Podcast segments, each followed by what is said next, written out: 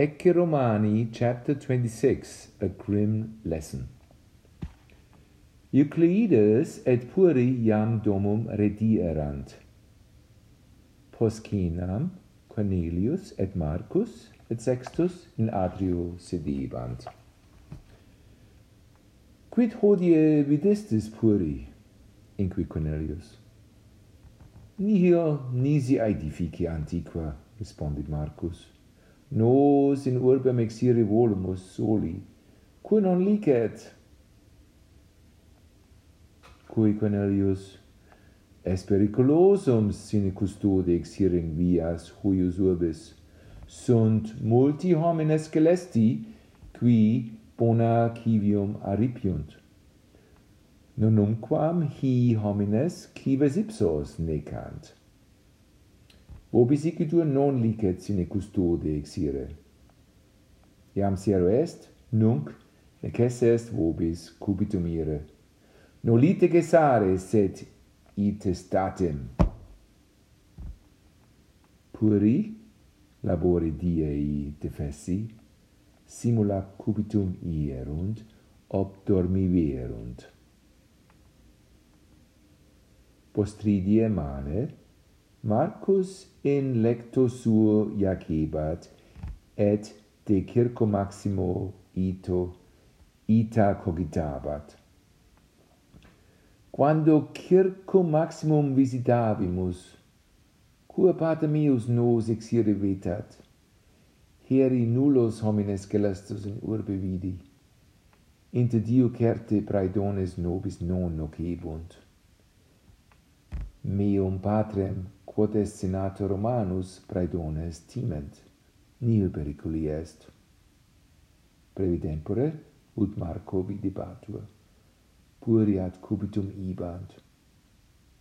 Puri ad circum ibant. Mox, molem ingentem circi maximi Marcus conspexit. Ecce clamavit Marcus, es circus cum intraverimus, tandem aurigas ipso spectabimus. Subito tamen, in viam se pracipita verum tres homines. Cave illos homines, clamavit Sextus. Illi certi nos in domus vicinas trahent, et ibi nos necabunt. Sed frustra. Nam Marcus, me tu commutus, postquam sextum audivit clamantem ad terram cecidit et iacibat in luto immobiles. Eho clamavit unus e predonibus quo abis pavule, quid est nomen tuum? Non et tu filius est senatoris?